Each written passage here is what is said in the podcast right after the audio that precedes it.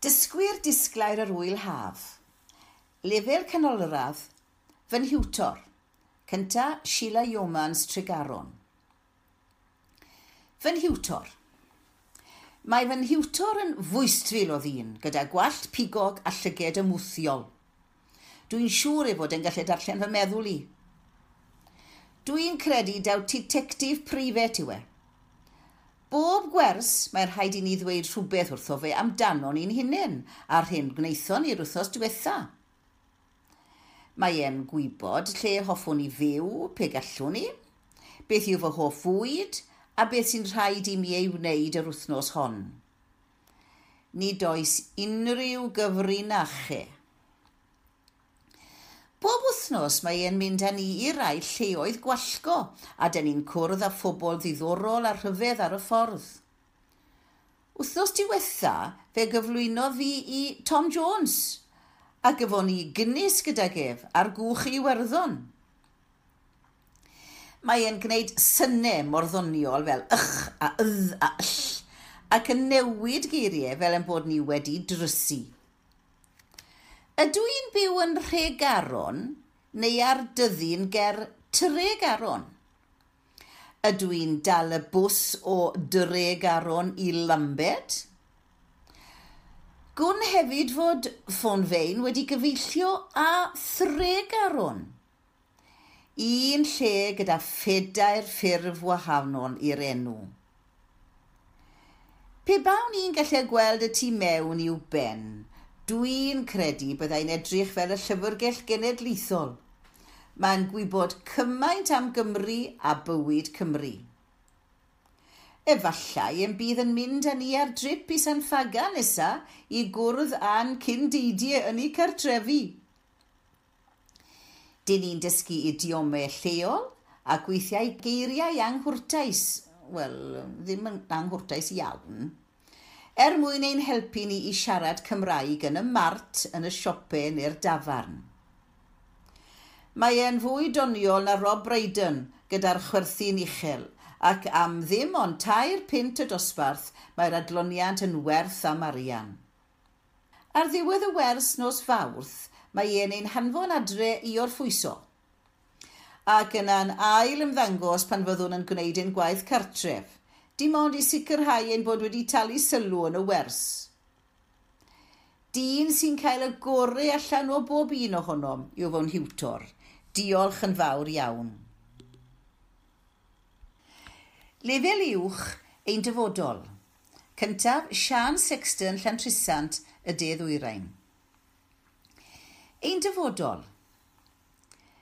Sut bysau fe taswn i'n gallu gweld y dyfodol? Dros y canrifoedd, mae llawer o bobl wedi dweud eu bod nhw'n gallu rhagweld y dyfodol. A hyd yn oed yn yr oes wyddonol hon, mae pobl sy'n honni galluoedd seicic ac yn cael eu talu i ddarogan digwyddiadau bywyd. Tasau ni'n gwybod y dyfodol, heb y gallu newid pethau, bysau hynny yn rhywbeth ofnus iawn mae'n ymddangos i fi. Yn y ffilm The Dead Zone, 1984, Mae Christopher Walken yn chwarae dyn ifanc sydd wedi cael anaf i'w ben mewn damwen car. Mae hyn yn ei adael gyda'r gallu i ragweld digwyddiadau trychinebus. Mae ei anallu i atal y digwyddiadau hyn yn ei wneud yn drallodus. Ac mae e'n mynd yn ddigalon ac yn unig. Ei weledigaeth fwyaf dychrynllyd yw llun o arlywydd Americanaidd anystyriol yn gwasgu'r botwm i ddechrau rhyfel niwclear. Ffiglen ydy hon, cofia. Mae e'n ymryd gan seithi'r arlywydd yn gwybod y bydd e'n cael ei ladd gan y Secret Service. Wrth wneud hyn, mae e'n gallu newid y dyfodol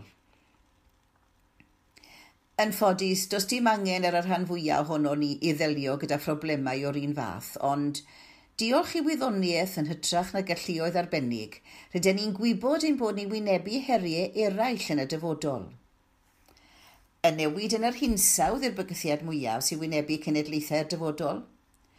Mae'r rhan fwyaf o bobl yn deffro i'r bygythiad, ond y cwestiwn yw beth mae pawb yn mynd i wneud amdano fe.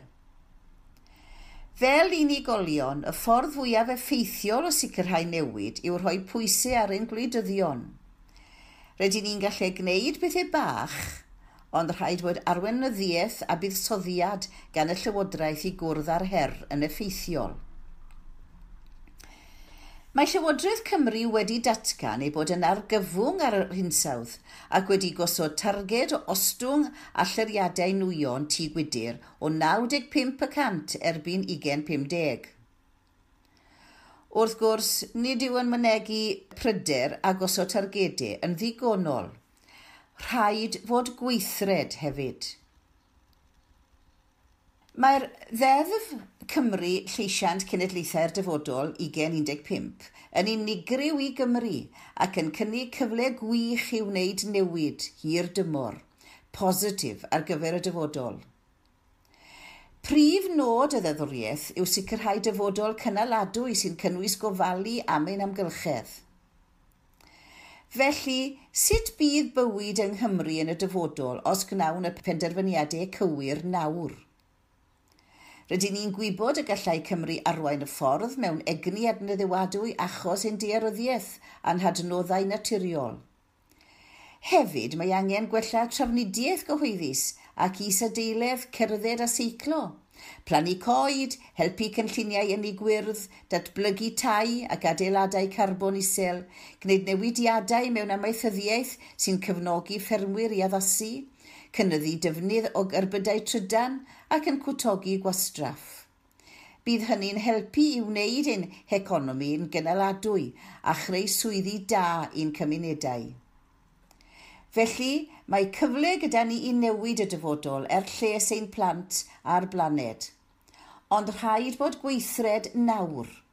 Felly dylai pawb ddefnyddio eu pŵer yn y blwch pleidleisio a thrwy weithred cefnogi siopau lleol, ailgylchu ac yn y blaen.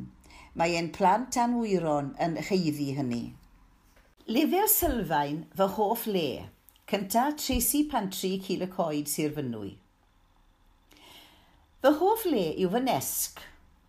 Pam? Dwi'n eich clywed yn gofyn.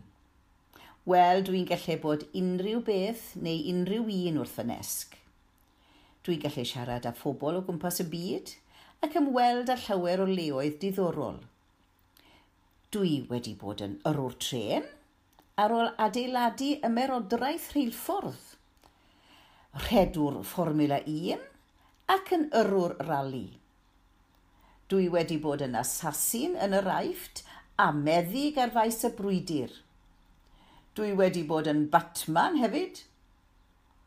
Fy hoff le fy nesg, achos dyna lle mae fy nghyfrifiadur.